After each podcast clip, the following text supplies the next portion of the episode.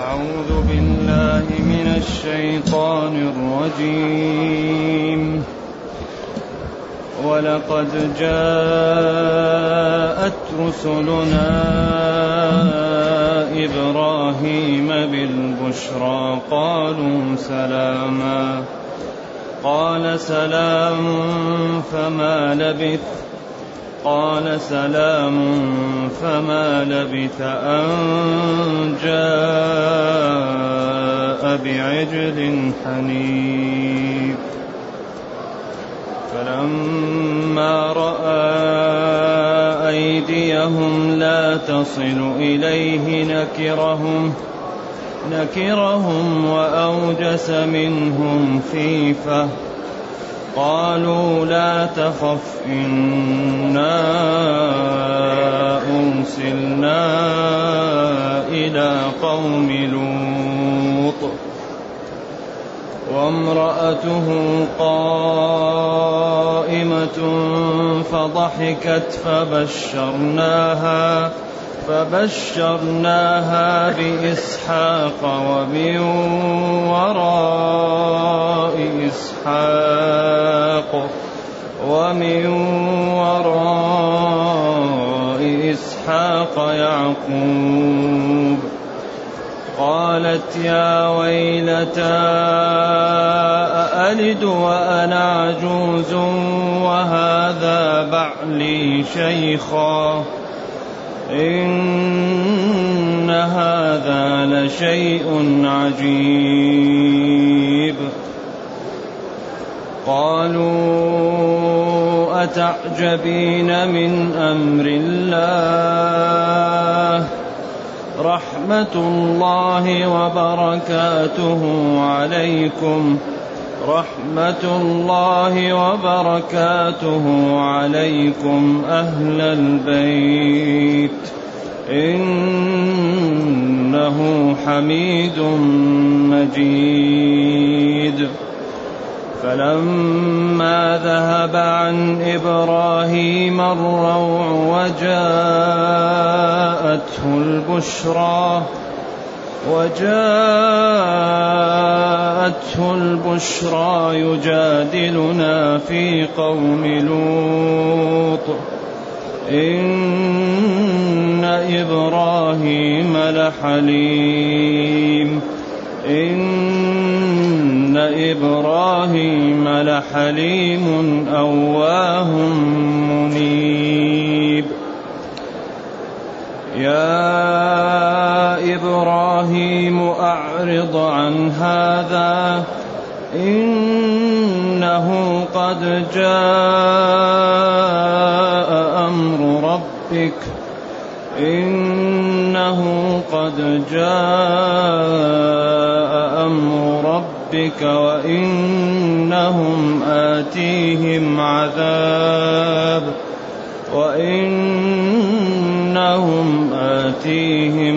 عذاب غير مردود. الحمد لله الذي أنزل إلينا أشمل الكتاب وأرسل إلينا أفضل الرسل وجعلنا خير أمة أخرجت للناس. فله الحمد وله الشكر على هذه النعم العظيمة والآلاء الجسيمة. والصلاة والسلام على خير خلق الله وعلى آله وأصحابه ومن اهتدى بهداه. أما بعد فإن الله تعالى يبين كيف جاءت رسل الله لإبراهيم في طريقها إلى إهلاك قوم لوط. ولما جاءت رسلنا إبراهيم بالبشرى. ولقد جاءت رسلنا إبراهيم بالبشرى. ولقد والله لقد جاءت. اللام القسم وقد للتحقيق وهذا يدل على أن في ناس يكذبوا بهذا الشيء لأن تأكيد الأسلوب دلالة على الإنكار أو ينزل غير المنكر منزلة المنكر إذا كان أمارات ذلك واضحة كما أن المنكر ينزل منزلة غير المنكر إذا كانت البراهين واضحة. ولقد. اللام موطئ القسم وقد للتحقيق جاءت أتت. والله لقد جاءت رسلنا. قيل جبريل وميكائيل وإسرافيل. وقيل جبريل ومعه جيش من الملائكة. وهذا لا أعرفه مسندا وإنما هي روايات. رسلنا الملائكة. إبراهيم نبي الله وخليله. أبو الأنبياء وجد نبينا صلى الله عليه وسلم بالبشرى. أتوه يعني مصاحبين أو متلبسين بالبشرى. واختلف العلماء ما هذه البشرى. فالجمهور قالوا البشرى هو إخباره بأن يولد له إسحاق ويولد لإسحاق يعقوب. وهذا أكبر دليل على أن الذبيح إسماعيل. هذا دليل واضح. الدليل الثاني الذي ورد في سورة الصافات لأن كثيرا من المفسرين ومن العلماء ومن أهل الكتاب يقولون إن الذبيح أنه إسحاق. وكثير من العلماء وكثير من المحققين يقول أن الذبيح إسماعيل. ومما يدل على أن الذبيح إسماعيل هذه الآية. لأنه كيف يأمره بذبحه وقد بشره بولادته وبولادة ولد ولده له. كيف يكون هذا؟ ومن وراء إسحاق يعقوب. الأمر الثاني أنه لما أمره بذبح إسماعيل وهو الولد الوحيد الذي يملكه وفي مرحلة أصبح ينتج له ويحمل معه الحجارة وإذا يرفع إبراهيم القواعد من البيت وإسماعيل قال له خذ الولد واذبحه. اذبحه. يا بني إني أرى في المنام أني أذبحك. ورؤيا الأنبياء وحي فكان الولد في غاية من الطيب والرفق والتحمل والاستقامة ما الله به عليم. وكان الأب وفى وإبراهيم الذي وفى. كل ما أمر بشيء يعمله. كل شيء يأمره الله به يعمله. خصال الفترة يذهب إلى مكة يترك ولده كل ما أمر بشيء يعمله. فلما أسلما أسلما الأمر لله الأب والابن وتله يعني نومه عن طريق صرعه على جبينه ليذبحه. هذا هو الإيمان هذا هو التسليم. لذلك هذا الدين لازم له من تضحية. إذا أردنا أن ننتج ما يمكن ننتج للدين بدون ما نضحي. هذا نبي الله يقال له خذ ولدك واذبحه. أخذ الولد بعدين وناديناه أن يا إبراهيم قد صدقت الرؤيا إن هذا لهو البلاء المبين. هذا البلاء المبين الواضح هذا الابتلاء ما وراءه ابتلاء. لما أنهى القصة وهذا محل الشاهد قال وبشرناه بإسحاق.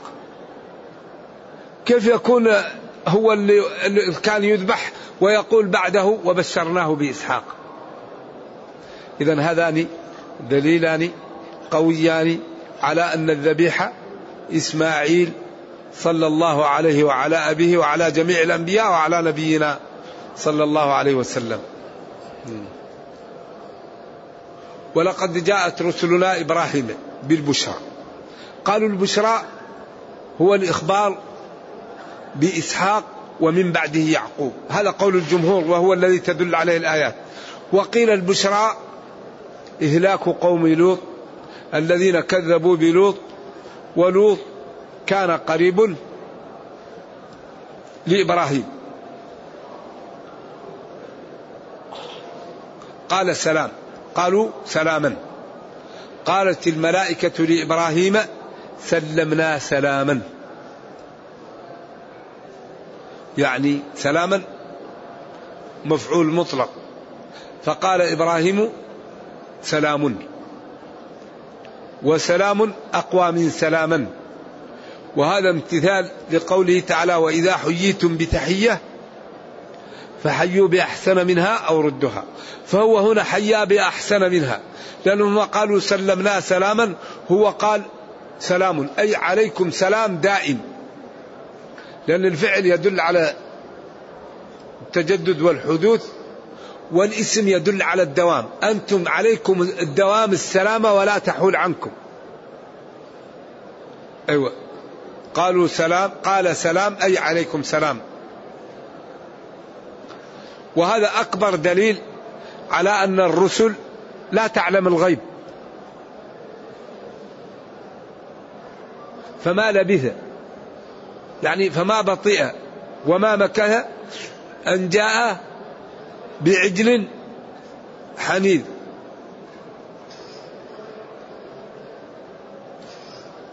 وبعدين قال في الآية الأخرى ألا تأكلون وبعدين فقربه إليهم. إذا قالوا من آداب الضيافة أربعة أمور. ينبغي لمن نزل عنده الضيوف أن يعملها. الأمر الأول الإسراع بالإكرام وعدم التأخير. الأمر الثاني أن يقدم للضيف أحسن ما عنده. كان ما عنده البقر وأحسن ما في البقر العجل الصغير. جاء بعجل وبعدين هيأه بأحسن تهيئة شواه بالحجارة. أيوة وهذا يجعله يعني له من, من أطيب ما عنده ومن ألذ ما عنده. ثم ملاطفته لهم بقوله ألا تأكلون. ثم متابعته لهم ورعايته لهم لأنه علم أنهم لم يأكلوا. أيوة. ثم تقريبه لهم. لم يقل لهم تعالوا للأكل وإنما قربه إليهم إكراما لهم. قالوا هذه من آداب الضيافة ومن الأمور التي ينبغي أن تعمل للضيف أن يسرع له بالضيافة ويؤتى بأحسن ما عندك وتقربه إليه وتلاطفه. ألا تأكلون؟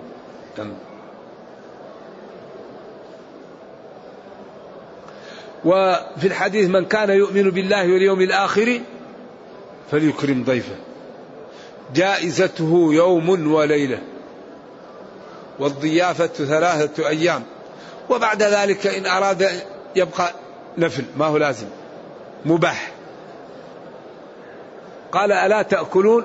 فأوجس في نفسه الآية. ولقد جاءت رسلنا إبراهيم بالبشرى قالوا سلاما قال سلام فما لبث أن جاء بعجل حنيذ فلما رأى أيديهم لا تصل إليهم نكرهم.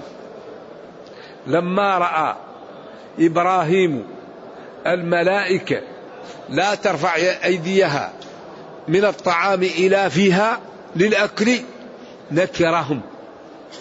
يعني أنكر ذلك منهم ونكره وأنكره كل اللغة يعني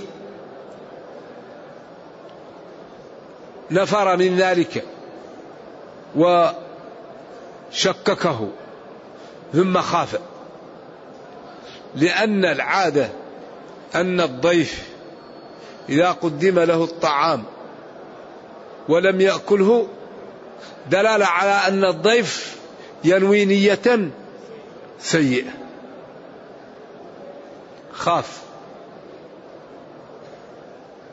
فلما رأت الملائكة في إبراهيم الخوف سواء قال لهم ذلك كما قال إيش؟ أوجس في نفسه خيفة وهنا قال إيش في الآية الأخرى؟ قوم منكرون. قالوا لا تخف. لما شوف انزعج قالوا لا تخف.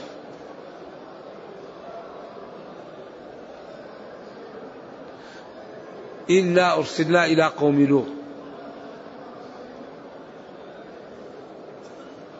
لإهلاكهم. لأن لوطا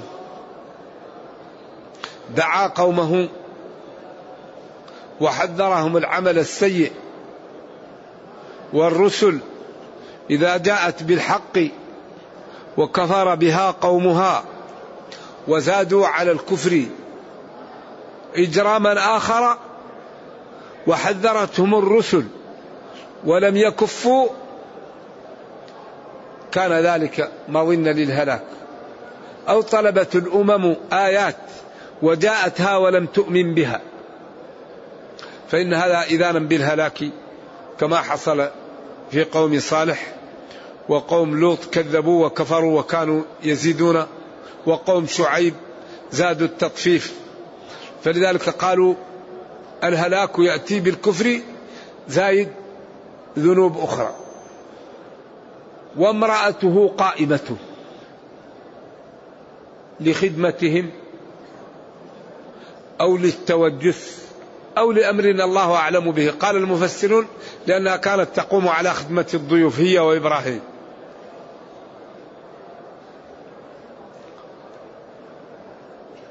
فبشرناها بإسحاق فضحكت أو فضحكت فبشرناها بإسحاق. قيل ضحكت من ماذا؟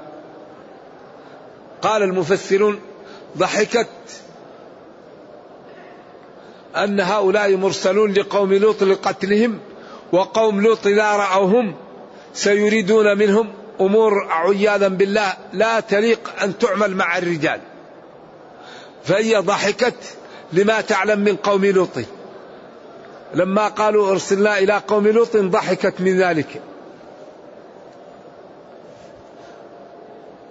وقيل ضحكت لخوف إبراهيم من الملائكة. لما رأت زوجها خائف ضحكت.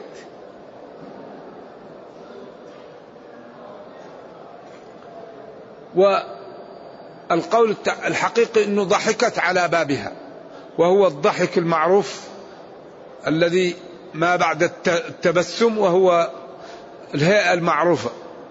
وقيل ضحكت حاضت وهذا قول مرجوح لأنه لا تدل, تدل عليه النصوص.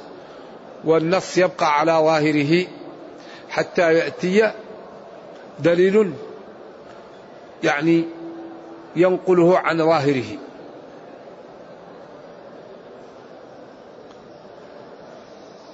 وقيل في الكلام تقديم وتخير وامرأته قائمة فبشرناها بإسحاق ومن وراء إسحاق يعقوب فضحكت. وهذا أيضا ينبغي أن لا يصار إليه.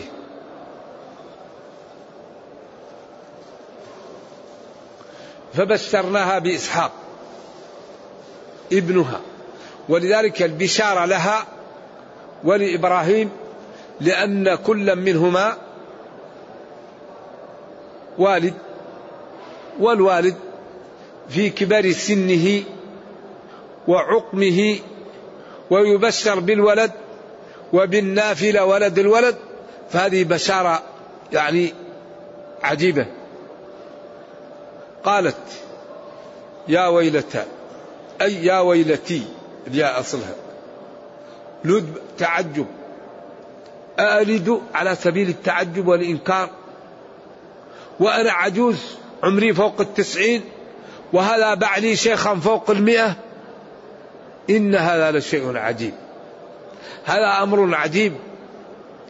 أني ألد وأنا كنت عاقر لا ألد وفوق التسعين وبعلي شيخ فوق المئة هذا أمر عجيب. ولذلك أمر الله إذا أراد شيئا يقول له كن فيكون. لذلك نحن إذا قمنا على الطريق المرسوم لنا الله يدمر أعداءنا. يرسل عليهم الملائكة يرسل عليهم الرياح. يرسل عليهم الطوفان يرسل عليهم الزلازل. إذا استقمنا على ديننا وقمنا بما نستطيع الله ينصرنا. لماذا لا نقوم باللازم؟ حتى ربنا يقوم لنا بما قال لنا. قال أوفوا بعهدي أوفي بعهدكم.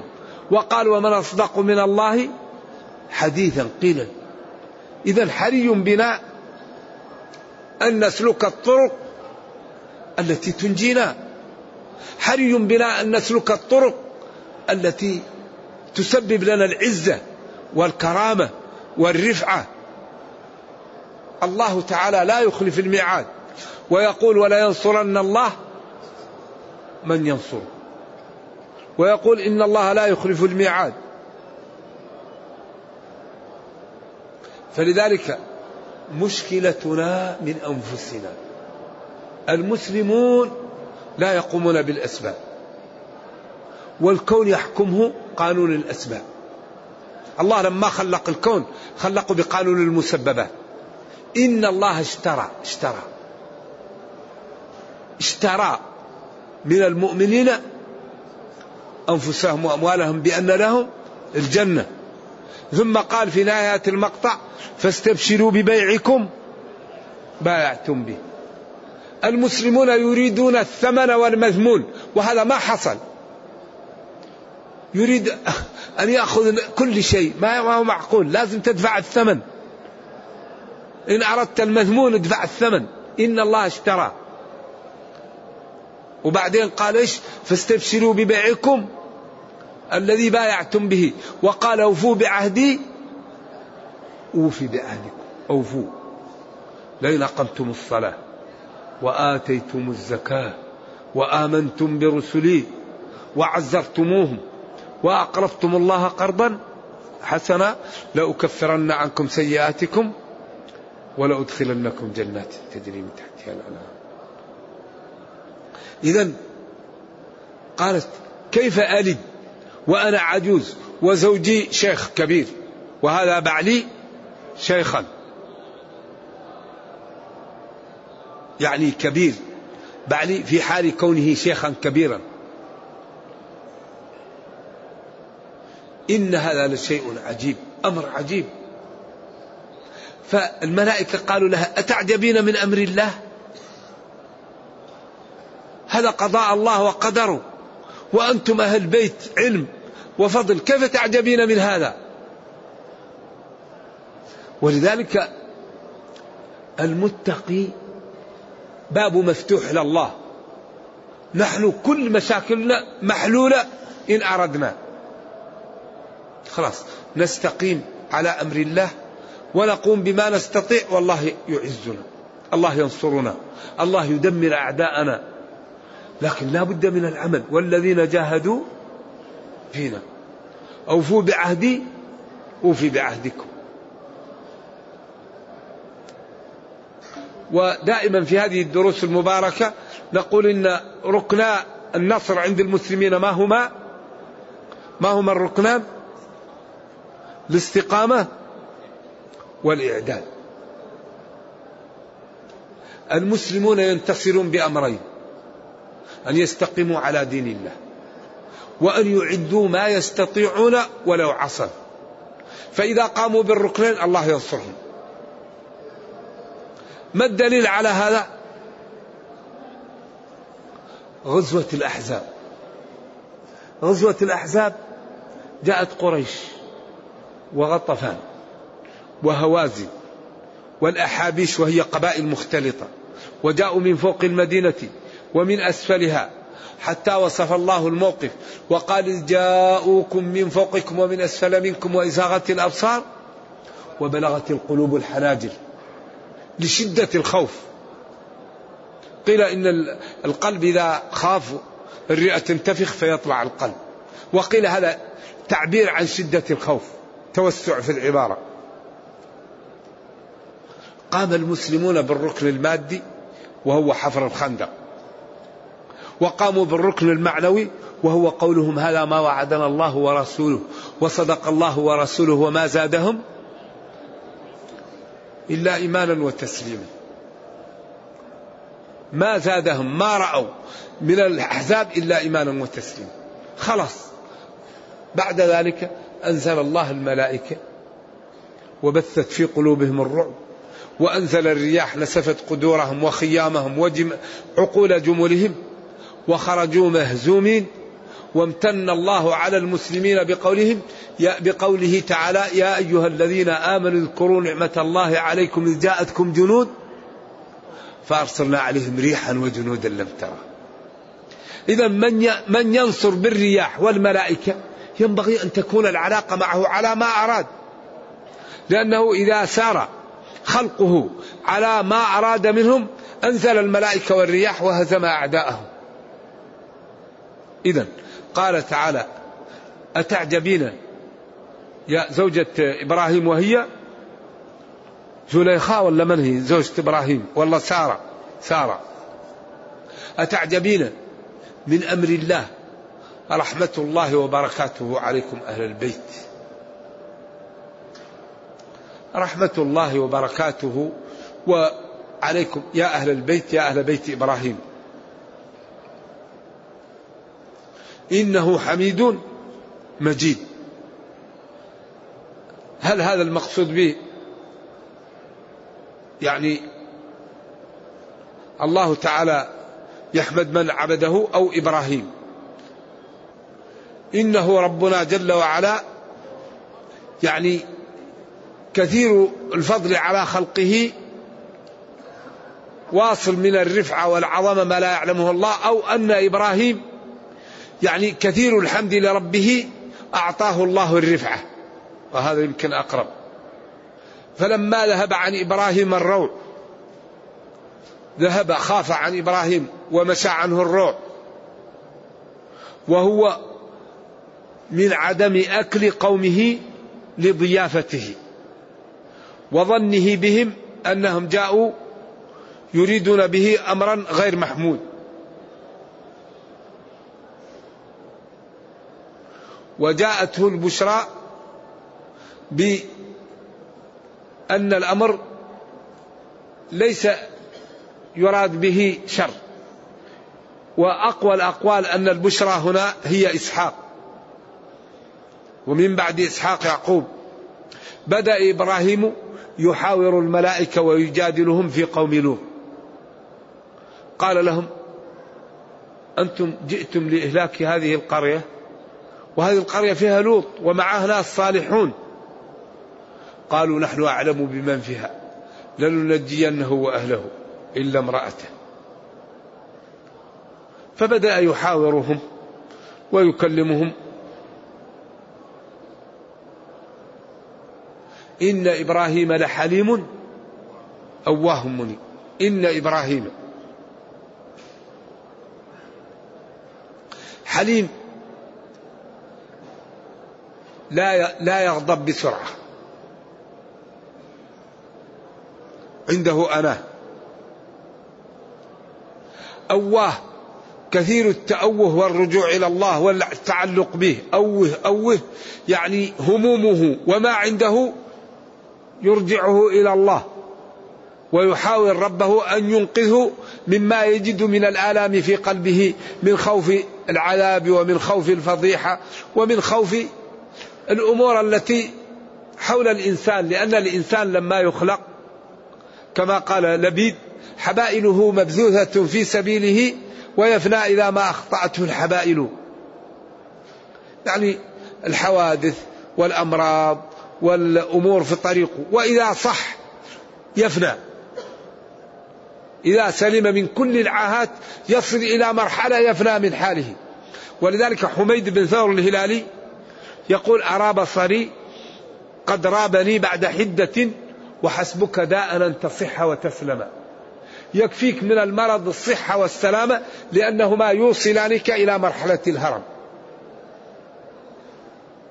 ثم جعل من بعد قوة ضعفا وشيبة خلاص.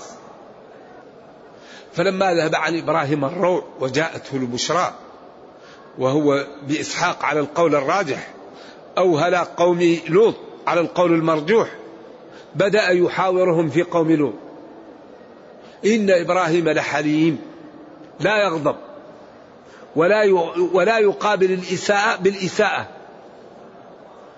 والحلم هو الأناة. وعدم سرعة الغضب. وعدم الانفعال. أواه كثير التأوه. وكثير الخوف من الله. كثير التوبة. وكثير الرجوع. لحليم أواه منيب. يا إبراهيم قلنا له يا إبراهيم أعرض عن هذا. أترك هذه المجادلة والحوار. لأن الأمر ختم. خلاص. إنه قد جاء من ربك. خلاص. الأمر انتهى. وهذا الذي كان يخيف الإمام سفيان الثوري. الإمام سفيان الثوري يقول الإمام الذهبي في سير أعلام النبلاء أنه لما كبرت سنه كان يكثر البكاء كثيرا.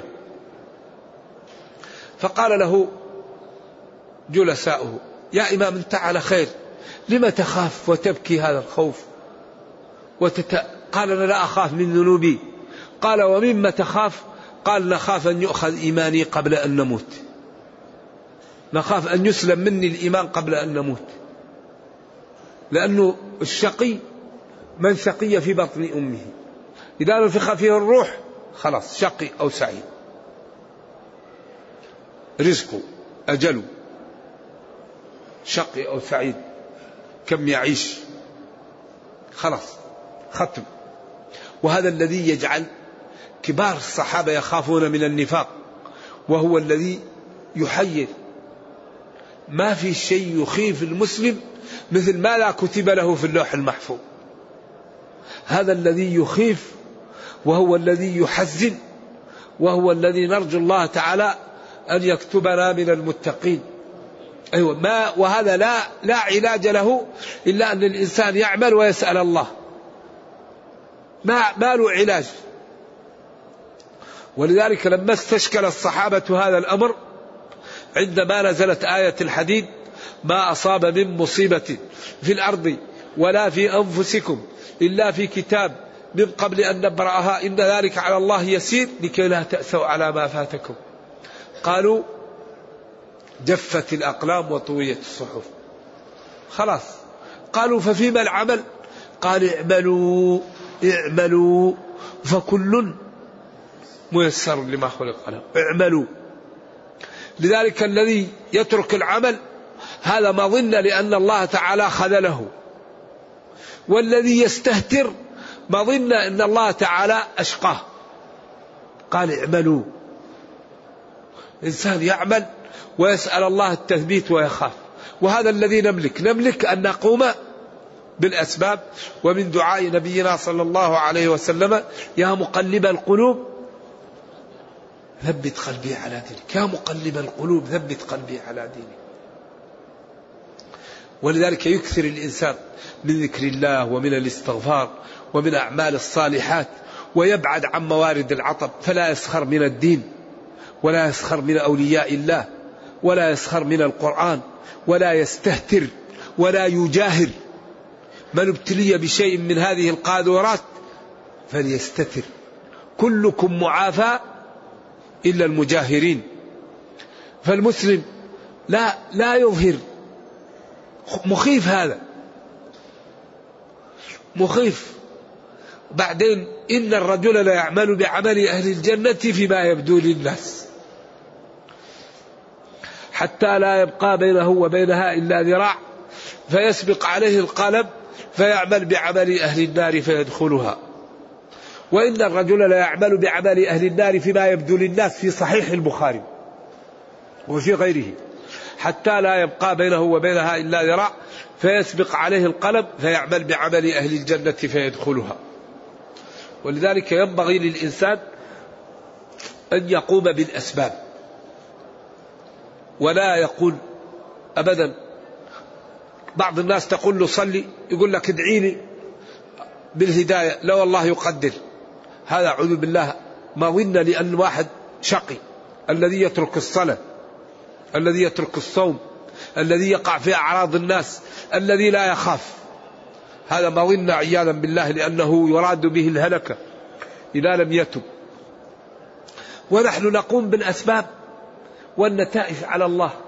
ولذلك لن يدخل أحدكم عمله الجنة. قالوا ولا أنت يا رسول الله؟ قال ولا أنا إلا أن يتغمدني الله برحمته. إذا فلنجتهد في العبادة ولنسأل الله التوفيق ولنعمل. نعمل.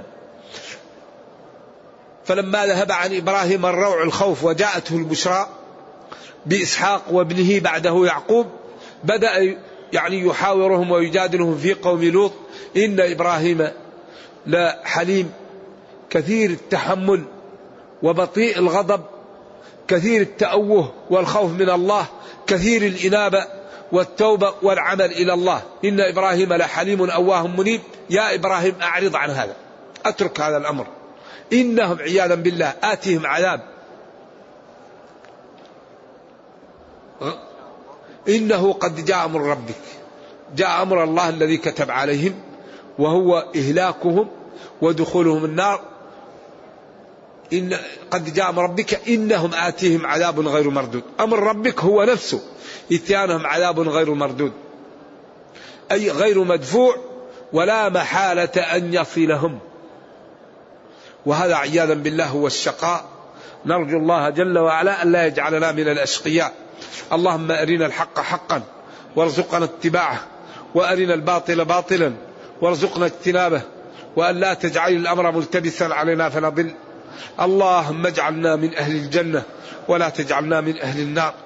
اللهم اغفر لنا ذنوبنا كلها دقها وجلها أولها وآخرها علانيتها وسرها.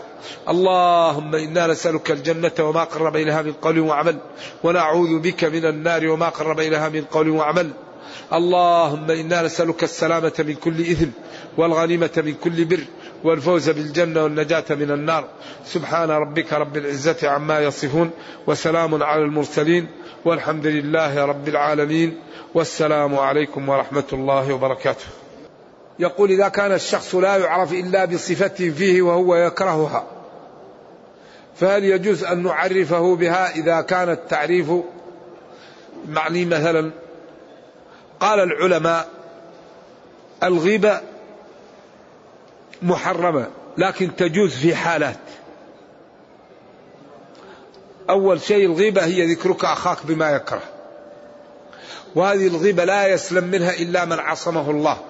لأن أي قضية تحصل وترفعها في الغالب تكون فيها غيبة. إذا الذي يسلم من الغيبة من لا يرفع أي قضية حصلت.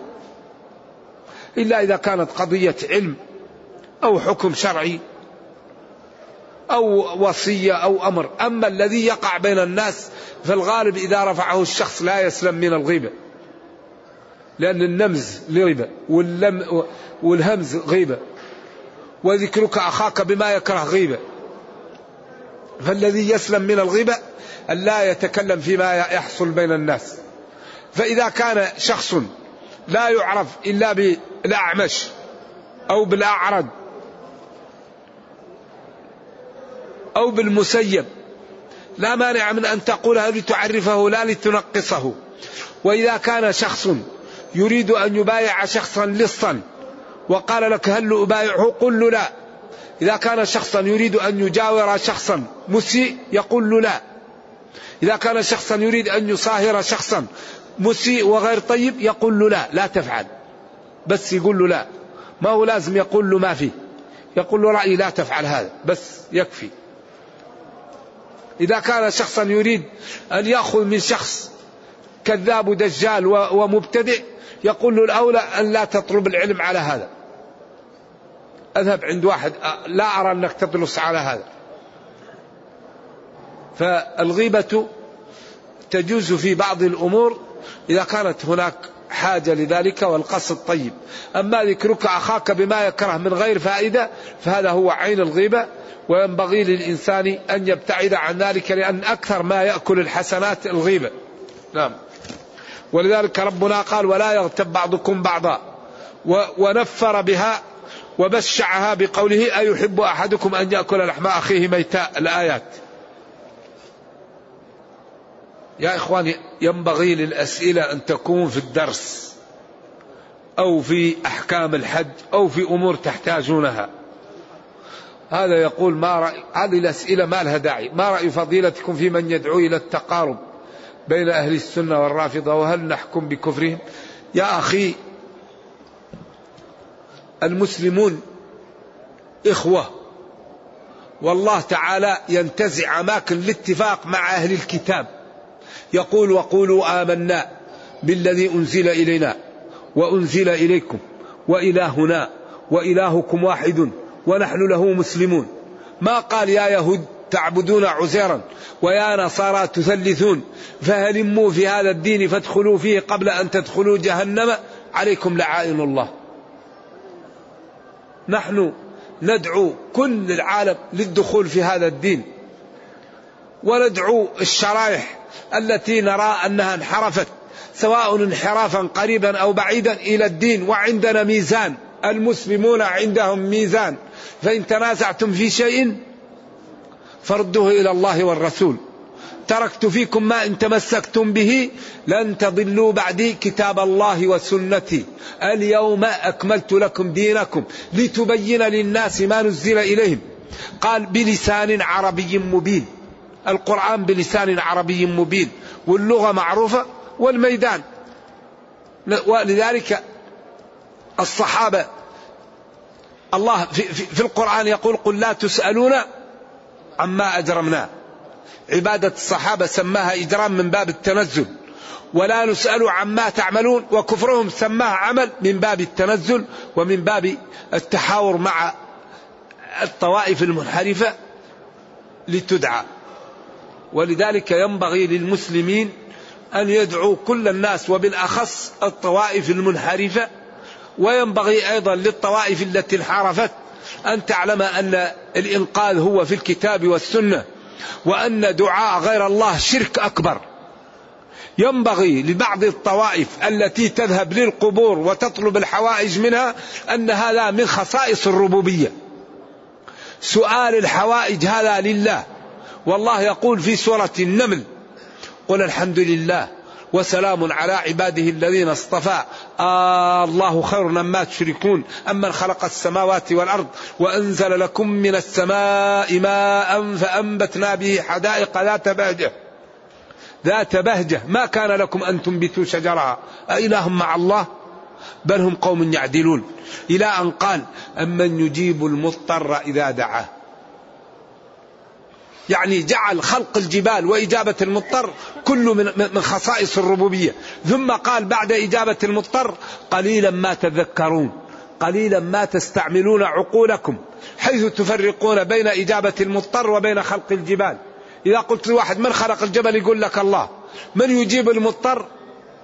سيد حرازم أو البدوي أو البليروي أو العيدروس كل بلد له أولياء هذه مشكلة. فدعاء غير الله هذا مشكل. بعدين قال قليلا ما تذكرون. وبعدين ثلاثة أمور تسأل من غير الله. أمن يجيب المضطر ويكشف السوء ويجعلكم خلفاء الأرض. يريد ولد يريد أن يشفى من المرض يريد وظيفة يذهب للقبر ويقول الله الله أتيناكم قاصدون ومثلكم يقصدون ومن قصد الأجواد ليس يخيب. والله يقول أمن يجيب المضطر. وقال قليلا ما تذكرون. فالحقيقة بعض الطوائف من المسلمين تعمل أشياء في غاية الخطورة. تدعو غير الله وتقول أن غير الله يعلم الغيب. والله يقول قل لا يعلم من في السماوات والأرض الغيب إلا الله. هذا إبراهيم ذبح عجله هذا لوط ضاق ضرعا هذا يعقوب ابيضت عيناه من الحزن. هذا نوح قال ربي إن ابني من أهلي. يقول أن غير الله يعلم الغيب. هذا لا يجوز. ونحن عندنا فيصل وهو الكتاب والسنة. فإن تنازعتم في شيء إذا أي إنسان بيننا وبين الكتاب والسنة. إن قبل فنحن وهو تحت الكتاب والسنة. والنص لا يخلو إذا إذا اختلفنا من واحد من أربعة. عندك نص وعندي نص ما فيه مشكلة. لأن النصوص أحيانا متحملة للخلاف. ما عندك نص وما عندي نص ما هي مشكلة. عندك نص ما عندي نص نكون معك عندي نص ما عندك نص تكون معي. إذا القسمة رباعية. أحيانا يكون كل واحد من المختلفين عنده نص. ثلاثة قروء القرء يقال للطهر ويقال للحيض. ودل على ذلك السنة واللغة والحديث. إذا الأمر سهل. الذي بيده عقدة النكاح الولي والزوج. الأمر سهل. لكن يقول الرحمن على العرش استوى. تقول استوى استولى. ما مستندك على هذا. ما مستندك على استولى. والله قال ثم استوى على العرش الرحمن إيش؟ سأل به خبيرا. لا تقول استولى. ذكر سبع مرات استوى. من أين لك تقول استولى؟ لا يصف الله أعلم بالله من الله ولا يصف الله بعد الله أعلم بالله من رسول الله. ونبينا قال له ربه لتبين للناس ما نزل إليهم وتأخير البيان عن وقت الحاجة لا يجوز. من أين لنا أن نأتي بهذا؟ من أين جئنا بهذا؟ إذا الحل والفيصل النصوص. النص معصوم. اتبعوا ما أنزل إليكم. اتبعوا ما أنزل إليكم. إذا أي طائفة من طوائف العالم نحن وهي بيننا كتاب الله. وأوحي إلي هذا القرآن لأنذركم به ومن بلغ.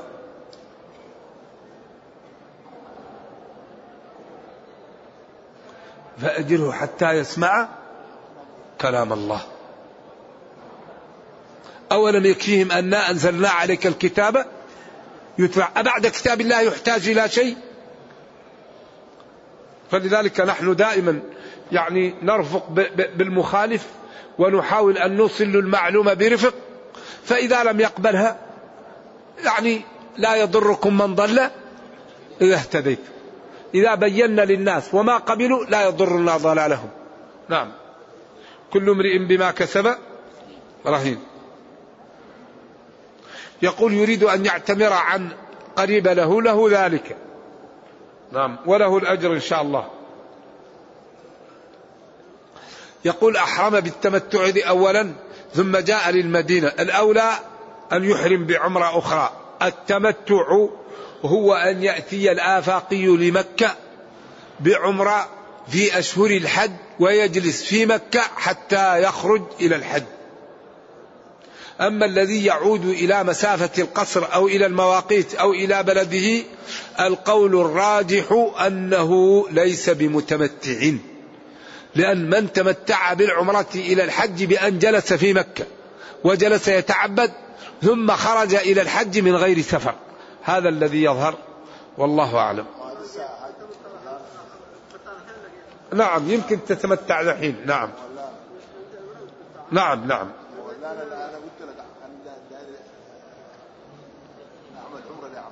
يجوز يجوز. لا بعد الحج ولا بعد الحج؟ اللي تحب جائز. لا عليه شنو لازم؟ لا لا. لا إذا كان قبل الحج وأنت مفرد تكون متمتع. إذا كنت كنت يعني تريد يعني كيف تعمل عمرة؟ إذا كنت حاج مف يعني مفردا يمكن تعملها بعد الحج. نعم. ولو تذهب إلى الميقات أفضل.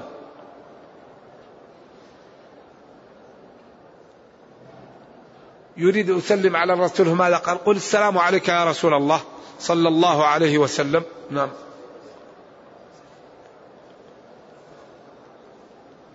ما حكم تحويل الأموال من بلد إلى بلد آخر وأخذ عمولة أو أجرة على ذلك؟ إذا كان تقابض في المجلس ما هي مشكلة. نعم. إذا كانت العمل مختلفة وحصل التقابض في المجلس الأمر إن شاء الله سهل.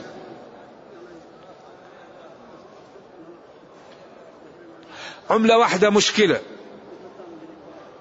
إلا إذا كان مستوي ولا يكون فيه زيادة. الذهب بالذهب والفضة بالفضة. والشعير بالشعير والملح بالملح والبر بالبر والتمر بالتمر والزبيب بالزبيب هاء بهاء مثلا بمثل. فإذا اختلفت هذه الأجناس فبيعوا كيف شئتم إذا كان نقدا. إذا في ربا الفضل وربا النساء.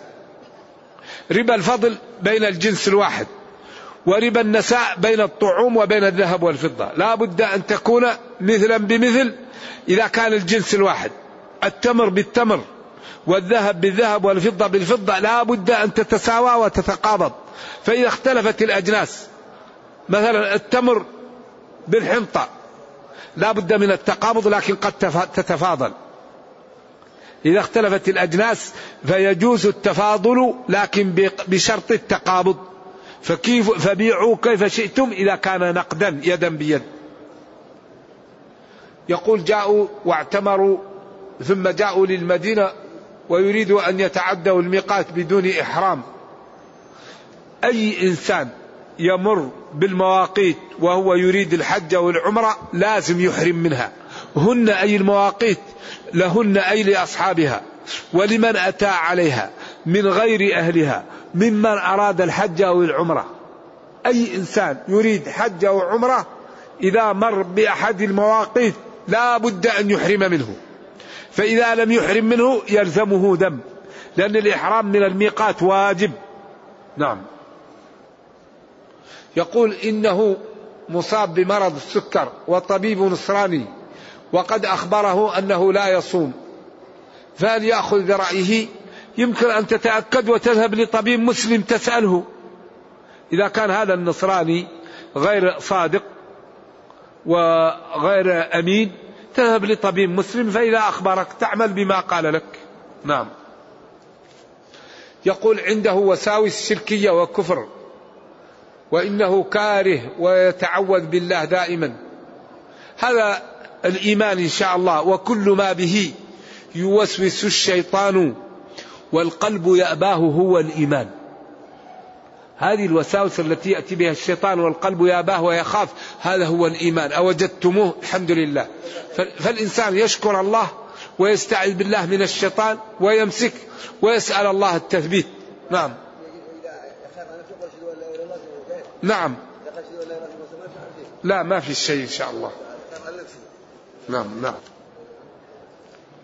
ما حكم البيع مبلغ أقل نقدا بزيادة مؤجلة. ما ما فهمت هذا. البيع لا ينبغي هذا. لا ينبغي بيعتين في بيع